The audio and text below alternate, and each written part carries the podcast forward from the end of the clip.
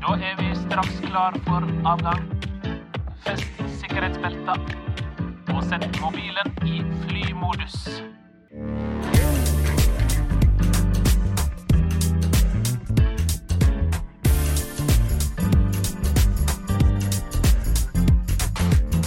Hjertelig velkommen til Flymodus. Dette er podkasten hvor vi snakker om både mobilbruk og psykisk helse, tvinner det litt sammen, og så blir det en god dose podkast for dere. Mitt navn er Morten Westgård, og dette her er episode én av til sammen fem podkastepisoder som vi skal publisere gjennom hele uka. Så fest setebeltene, ta opp bordet foran dere, sjekk hvor nødutgangene deres er, og spør personalet dersom det er noe, for dette her blir en fet flytur. Så da er det bare å sette telefonen på flymodus, eller last ned episoden først, så kan du sette telefonen på flymodus, så har vi deg med gjennom hele turen, så slipper du å dette ut. Første gjest det er ingen ringere enn en 46 år gammel utdannet lege, og han har faktisk en doktorgrad i indremedisin og kardiologi. Han er skribent, foredragsholder, youtuber og har faktisk gitt ut hele tre bøker.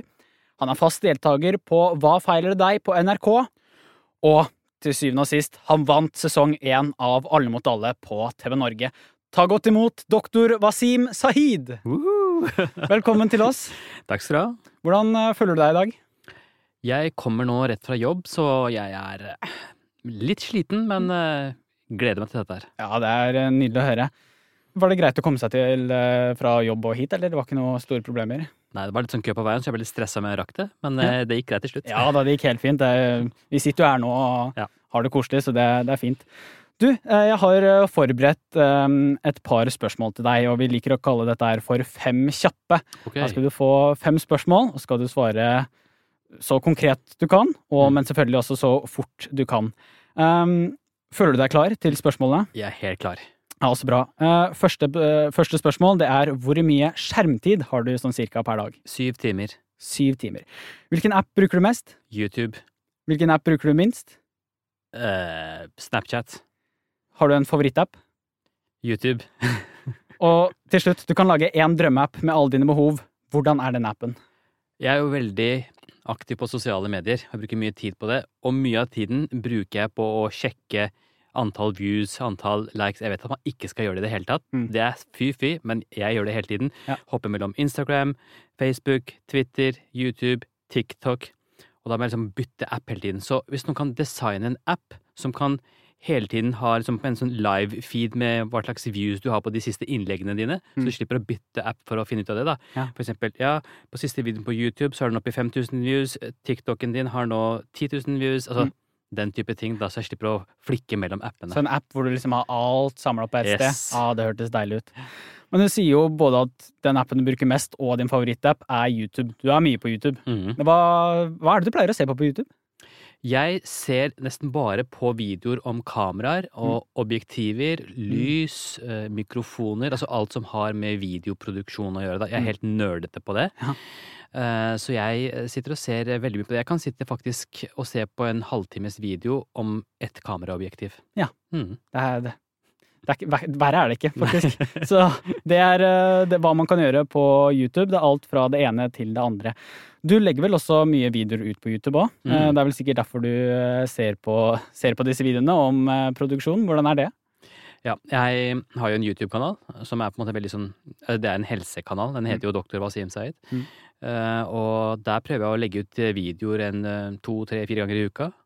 Og det tar en del tid Mm. å produsere de. Og så er det jo på en måte et voldsomt jag, da. Det er liksom Jeg liker jo det. Jeg liker veldig godt å lage videoer. Jeg liker på en måte både det tekniske ved det og formidlingen. Eh, Men eh, det er jo veldig sånn stress hele tiden. Hva skal neste video handle om? Nå må jeg lage en som blir en ordentlig banger. Nå må jeg på en måte, Hva er det folk har lyst til å se mer av? Mm. Så du går jo egentlig og er helt oppslukt av det og tenker på det hele tiden. Ja. Og det er litt slitsomt. Men, eh, og det er det som er Jeg vet det. Jeg vet at jeg blir stressa av det, men jeg gjør ikke noe med det likevel.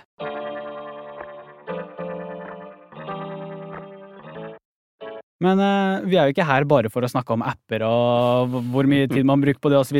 Vi skal jo også snakke om psykisk helse, for det er jo et av de viktigste temaene man kan prate om, med andre i hvert fall. Mm. Og da er det jo viktig at man skal liksom belyse hvordan er det man egentlig prater om psykisk helse. Men først så har jeg lyst til å høre liksom fra selveste doktor Wasim. Du er jo lege, eh, møter sikkert masse forskjellige ting på jobben osv. Hvordan er det med din psykiske helse? Jeg tror min psykiske helse er litt sånn middels minus. Mm. Sånn eh, ganske gjennomsnittlig, eller kanskje litt under. Mm. Og, og det har litt å gjøre med at jeg opplever mye stress. Mm. Eh, og så er jeg nok en type som er litt sånn følelsesmessig at jeg grubler litt mye over ting, da. Mm. La ting gå innpå meg. Så hvis jeg har noe konflikt med altså Hvis det er noe i familien, eller med partner, eller Så er det sånne ting som jeg går og tenker veldig lenge på, og kan ligge liksom våken på nettene eller sove dårlig fordi ting gnager på meg. Mm. Og så vet jeg jo veldig godt at det er jo Det spiller jo ingen rolle at jeg sitter, ligger der og tenker på disse tingene og grubler på disse tingene, fordi eh, de som jeg kanskje har en eller annen diskusjon med eller uenighet med, de merker jo ikke at jeg ligger her og er eh, stressa og lei meg. Mm. Og den eneste som på en måte tar skade av det, er det jo meg selv. Mm. Fordi som jeg driver og gnager på det inni meg. Mm. Uh, så Nei, så det er uh, Ja. Og det i kombinasjon med at det er liksom mye å gjøre, og det er stress og sånn, så tror jeg Jeg tror nok, i likhet med ganske mange andre i Norge, så ligger jeg liksom rundt middels der. Mm. Mm. Jeg kjenner jo, jeg må jo si det, jeg, jeg, jeg kjenner jo, jeg er jo 19 år gammel, jeg kjenner et par sånne folk som ønsker å oppnå noe stort og bli liksom verdenskjent, eller om det er sanger eller programleder eller hva- det skulle være. Men samtidig, du sier jo nå at du har sånn middels, kanskje litt under psykisk helse, men det virker jo som at du har det perfekte liv for noen. Du Mm. er kjent på YouTube, TikTok, du har skrevet bøker, du har vært med på TV-programmer. Hvor mye tærer det egentlig på den psykiske helsen? Det tærer på ganske mye, og jeg skjønner jo at folk tenker liksom at ja, han har jo alt, han har en bra jobb og fin familie og uh, gjør det bra på sosiale medier og sånn, men det er jo et eller annet med at det man viser er jo bare én side av eh, mynten, da. Det er jo bare den vellykkede siden og de glade øyeblikkene. Man viser jo ikke alt det kjedelige og triste. Nei. Uh, så ja, det Hva var spørsmålet? Nå hopper jeg rett. Ja, det, altså hvordan er det med din psykiske helse? Du føler jo kanskje at fordi du er jo Ja. på alle Mm. ulike plattformer nesten, Ja. det tærer vel på? Det tærer på. Ja. Og det er jo, ikke sant, det er et eller annet med at når du produserer noe, om det er en TikTok eller om det er et, legger ut et bilde på Instagram eller en video på YouTube, så gjør du jo Du gjør det fordi du vil nå ut med et eller annet budskap. Og da vil du selvfølgelig at det budskapet skal nå flest mulig. Mm. Så det blir et veldig sånn jag. Sosiale medier, det er et jag om å hele tiden måtte overgå det du gjorde sist gang. Og du liksom bygger opp forventningene og stiller høyere og høyere krav til deg selv eh, til kvaliteten på det du lager, og ja, så ja, det er Det tærer veldig på det psykiske. Vi har jo et tema for denne podkasten her, og det er jo psykisk helse livet under og etter pandemien. For pandemien, selvfølgelig, har det jo Det har jo gjort mange, mye skade med tanke på eh, fysisk helse for mange, eh, men også psykisk for kanskje enda flere. Eh, mange som har følt seg ensomme. Eh, deprimerte, kanskje. Kanskje noen Hvis de har følt seg ensomme før pandemien, kanskje det forsterka det. Hvordan har pandemien påvirka den psykiske helsen til folk? Ja, Det er ingen tvil om at den har hatt en betydelig effekt på den psykiske helsen. Fordi hvis vi ser litt på de faktorene som beskytter mot f.eks. depresjon eller andre psykiske lidelser, Mm. så er det eh, et godt sosialt nettverk. Mm. Altså at du har gode venner. Eh, og det holder ikke å bare ha gode venner, du må på en måte være sammen med dem. Mm. Det er da det har effekt. Ja. Eh, familie. Eh, at du har en arbeidsplass, eller at du i det hele tatt har jobb, er beskyttende mot psykisk sykdom. Eh, og, eh, eller at du får være fysisk aktiv og, og trent. Og alle de faktorene der har jo på en måte blitt vingeklippet under pandemien. Man har liksom hatt selvfølgelig mye mindre sosial interaksjon fordi man skal ha restriksjoner og ikke omgås hverandre for mye, så da er det veldig mange som ikke har fått sett vennene sine på lang tid. Det er mange som ikke har fått besøkt foreldre, søsken, slekt på lang tid. Eh, og så er det dette her med jobb. Veldig mange har jobbet hjemmefra. Mm. Veldig mange har mistet jobb. Eh, og dette her med treningssentre som også har vært stengt. Så det er jo så mange ting som på en måte Og da sier det seg selv at det kommer til å ha en negativ effekt når det er såpass mange mennesker det angår. Mm. Og, og det ser vi jo. eh, At, at folk sliter. Unge mennesker sliter. Det har jo vært mer henvendelser til helsetjenester for psykisk helse fra Mm. ungdommer. Eh, og det- også en annen ting som er viktig å tenke på, er at Eh, ja, selvfølgelig, det er tungt for de som før var kanskje alene og isolerte, og som har blitt enda mer isolert, men også de som er i familier. Det, det, og det kan også ha at du er på en måte innestengt og må på en måte være sammen med Man må være sammen inne i leiligheten over lang tid, og man begynner å gå hverandre på nervene og irritere seg litt over hverandre. og eh, og det, sant, så koker det over, ikke sant. Mm. Eh, og, og spesielt hvis du tenker på hjem som dessverre er litt vanskelige, da. Mm. Hvor, eh, ja, hvor kanskje foreldrene sliter, og, det er, og barna ikke har, et alt så, alt, har det så altfor godt hjemme. Mm. Og, og kanskje deres ventil har vært å komme seg ut av hjemmet og komme seg til skolen, være sammen med venner og på en måte unngå kanskje det dårlige forholdet hjemme. Mm. Og så blir de presset til å likevel være sammen, med, sammen da. Mm. Eh, Så ja, det er lett å tenke seg at det er ganske mange det kan gå ja, kan være vanskelig for. Men jeg tror det har vært vanskelig for eh, en god del, faktisk. Um, og, men det er jo ikke bare sånn sett negative ting som har kommet ut av fra pandemien. Vi har jo lært uh, noe, spesielt unge. Da vi har jo lært liksom hvor mye vi er nødt til å sette pris på den tiden vi har med hverandre. Uh, pris vi har på klemmer, blant annet. Vi har jo ikke tenkt på hvor mye en klem kan bety før pandemien. Er det noe annet du tenker at vi har lært i løpet av en pandemi? Ja, så? Vi har jo lært veldig mye, ikke minst på det vitenskapelige og håndtering av en pandemi. Dette er ikke siste gang vi kommer til å ha en pandemi. Mm. Og vi har gjort oss verdifulle erfaringer om hvordan vi skal håndtere den. Mm.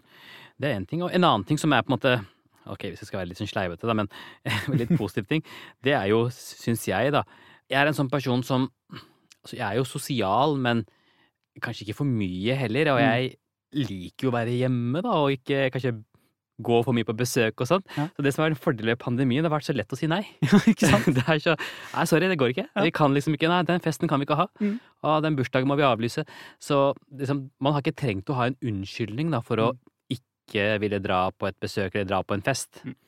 Uh, så jeg kjenner jo det, litt på det presset nå. Nå må man liksom Nå er det jo åpent igjen, da, og nå begynner folk å invitere igjen, så det er ikke så lett å si nei. Du har ikke, noe, du har ikke en pandemi å skylde på. Nå må du Jeg- ha en god unnskyldning. Jeg tror de introverte har hatt litt, uh, Ja, ja. hatt det kanskje litt sånn deilig under pandemien òg. Hvis de måtte liksom være liksom borte fra all folk og sånn i, i 14 dager. Jeg tror de hadde syntes Mm. at det har vært deilig. Ja, jeg, altså ikke bare det introvert, jeg må si det selv også. Ja. Jeg, altså, jeg syns det har vært Mm. litt deilig å slippe måte, det presset om å være sosial. Da. For Mm. det er også et press. ikke sant? At, for eksempel, vi, vi snakker om dette her, viktigheten av gode sosiale relasjoner. Mm. Viktigheten av å ha gode venner, viktigheten av å ha godt forhold med partner. Så det, det blir så mye sånn forventning om at du skal ha det så bra med andre mennesker. Eh, og det ikke, jeg syns det har vært deilig å slippe liksom det, det presset der også.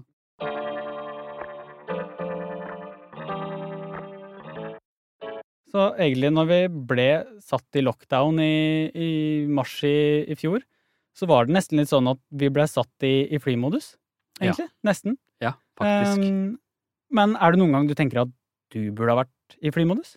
Ja, det er jo på en måte Det er jo smertelig klar over. Mm. Jeg burde helt klart, ikke sant. Og jeg vet jo at jeg er veldig tilgjengelig, og øh, folk sender meg meldinger, folk ringer meg, og det hadde jo vært veldig deilig å bare ikke ha dekning, da. Noen Mm. ganger tenker jeg tenk så deilig å ikke ha dekning, og øhm, jeg må si en ting, øh, og det som måte et grep som jeg har gjort, det er jo at øh, jeg tar ikke telefonen lenger når folk ringer meg. Med mindre jeg Mm. ser at det er et telefonnummer som jeg har lagret, at det er broren min eller kona mi eller eh, barn. Altså de jeg kjenner, da. Mm. Men hvis det er et nummer jeg ikke kjenner, så jeg orker ikke å ta det. For jeg tenker at hva kan være så viktig? Hvis det er så viktig, så sender vedkommende en SMS da, eller en e-post, eller Mm. Det å svare på telefonen er jo stress. Mm. Og som regel så er det ikke så viktig heller. Mm. Så, så jeg skulle gjerne vært litt mer i flymodus og bare slå av måte, alle måter å kontakte meg på, da. Mm. Det hadde jo vært veldig deilig. Ja. Mm. Og jeg antar jo at pandemien, den har jo Den varte jo ganske lenge. Eller Mm. den varer jo fortsatt. Mm. Eh, den er jo fortsatt blant oss. Og det har jo ikke bare vært en dans på roser gjennom hele pandemien for noen, tror jeg. Mm. Um, du har sikkert følt litt på å være litt, litt nettenfor, i hvert fall, Mm. eh, i løpet av pandemien. Hvordan håndterte du det? Nei, altså Jeg må si på en måte så har pandemien preget min hverdag lite. Fordi mm. som lege som jobber på sykehus, så har de ikke hjemmekontor. Mm. Så vi har gått på jobb hele tiden slik vi gjorde før, og det har vi også gjort under pandemien. Mm. Og faktisk vært enda mer på jobb, egentlig, ikke sant? fordi det har vært mer å gjøre og, og, og mer spesielt, og med alt det med smittevern og alt dette her. Mm. Så, så for egen del så uh, har jeg ikke vært så, så preget av det.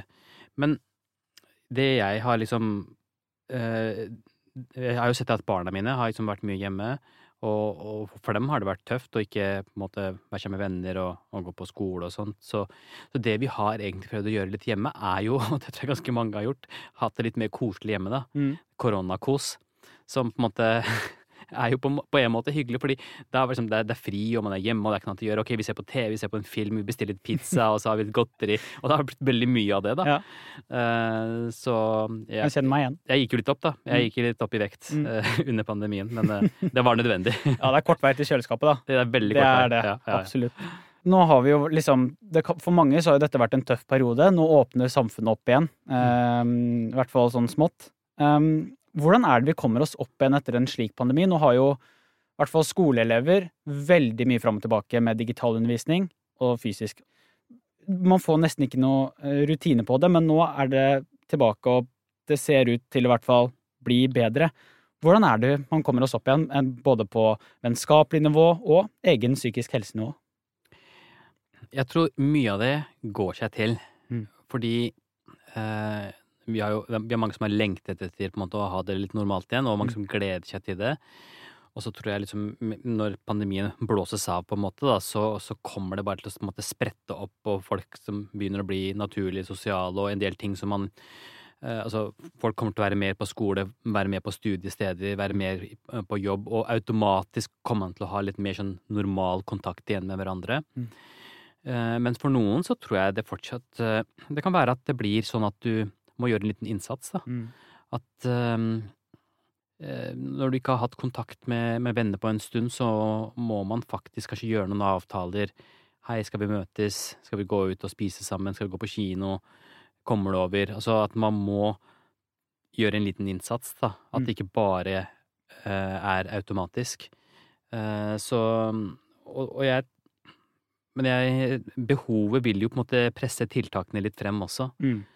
Eh, så tror jeg man må bare være litt bevisst det. At, eh, jeg tror også man må være litt bevisst at eh, veldig mange kommer nå til å prøve å på en måte gjenoppta det normale, og ting kommer til å gå litt fort. Mm. Eh, og for noen så kan det oppleves som litt stressende å måtte hive seg på det. Mm. Men da tror jeg man må tenke at ta det litt med ro, ta det i ditt eget tempo, kjenn litt etter. Hvor mye kontakt vil du ha med folk nå? Hvor sosial vil du være? Kanskje Mm. du skal på en måte ta det litt gradvis og kjenne litt etter. og etter hvert, og vi mennesker er jo veldig tilpasningsdyktige. Mm. Så jeg tror nok for de aller fleste så vil det nok på en måte gå seg til mot det normale igjen etter hvert.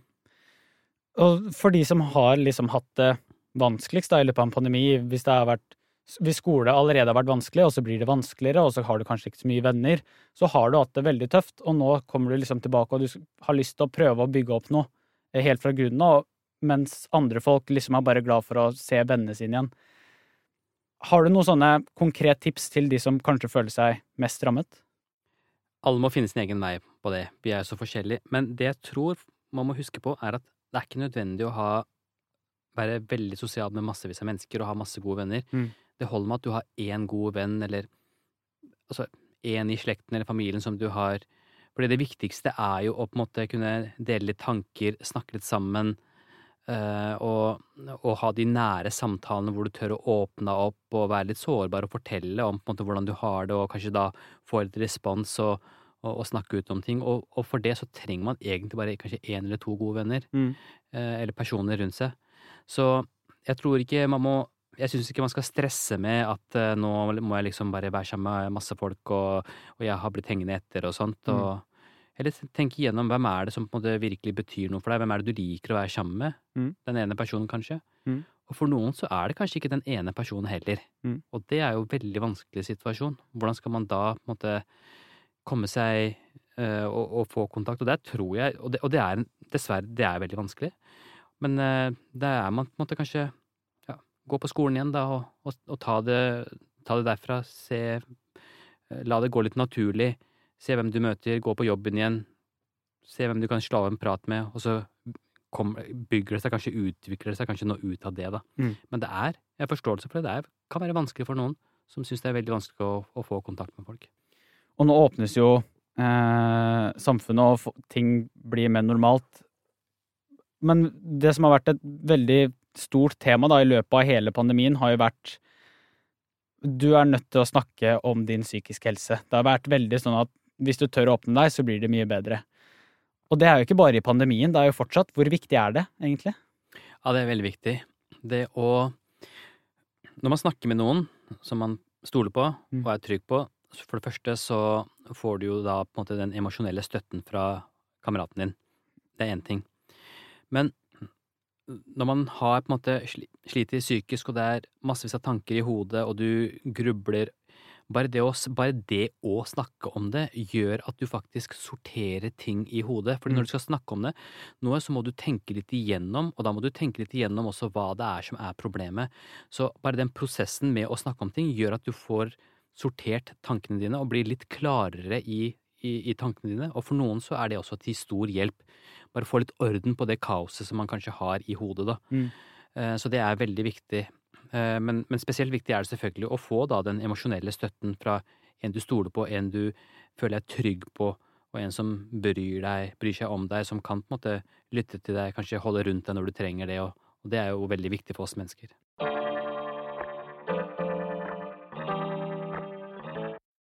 Um, jeg har egentlig litt lyst til å teste deg, eh, Wasim. Um, for jeg tenker nå bare sånn litt på sparket. Mhm. Har du, du er jo lege, Mm. har du to, kanskje tre tips til noen om hvordan man kan få en bedre psykisk helse? Sånn konkret tips. Oi.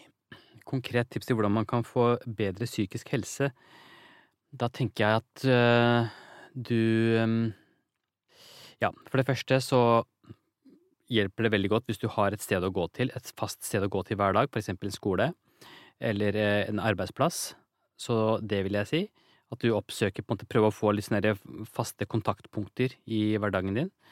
Eh, og så tror jeg at eh, fysisk aktivitet hjelper for veldig mange, faktisk. Mm. Det å ta seg en liten joggetur, enten på en tredemølle hvis du ikke liker å løpe ute, eller gå en tur bare i skogen eller langs veien. Og Mm.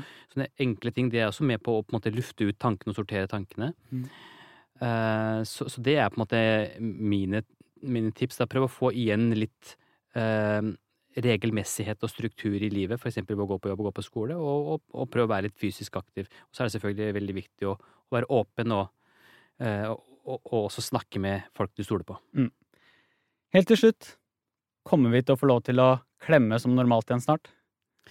Ja, og jeg vet om mange som gjør det allerede, Ja. for å si det sånn. så det, jeg, det, det er sånn, en sånn naturlig ting for oss mennesker å gjøre at det er ingenting som kan hindre det over tid. Nei. Så det kommer tilbake helt sikkert. Ah, det var betryggende å høre fra en lege, for å si det sånn. Wasim, tusen hjertelig takk for at du har vært med oss her i dag. Vi gleder oss til å se hva du kan bringe fremover. Tusen takk for at jeg fikk komme. Neste episode det vil være Husk de gode tidene, sammen med tiktoker Emma Schneider. Så vi gleder oss til å høre deg der. Det blir i morgen. Ha det godt.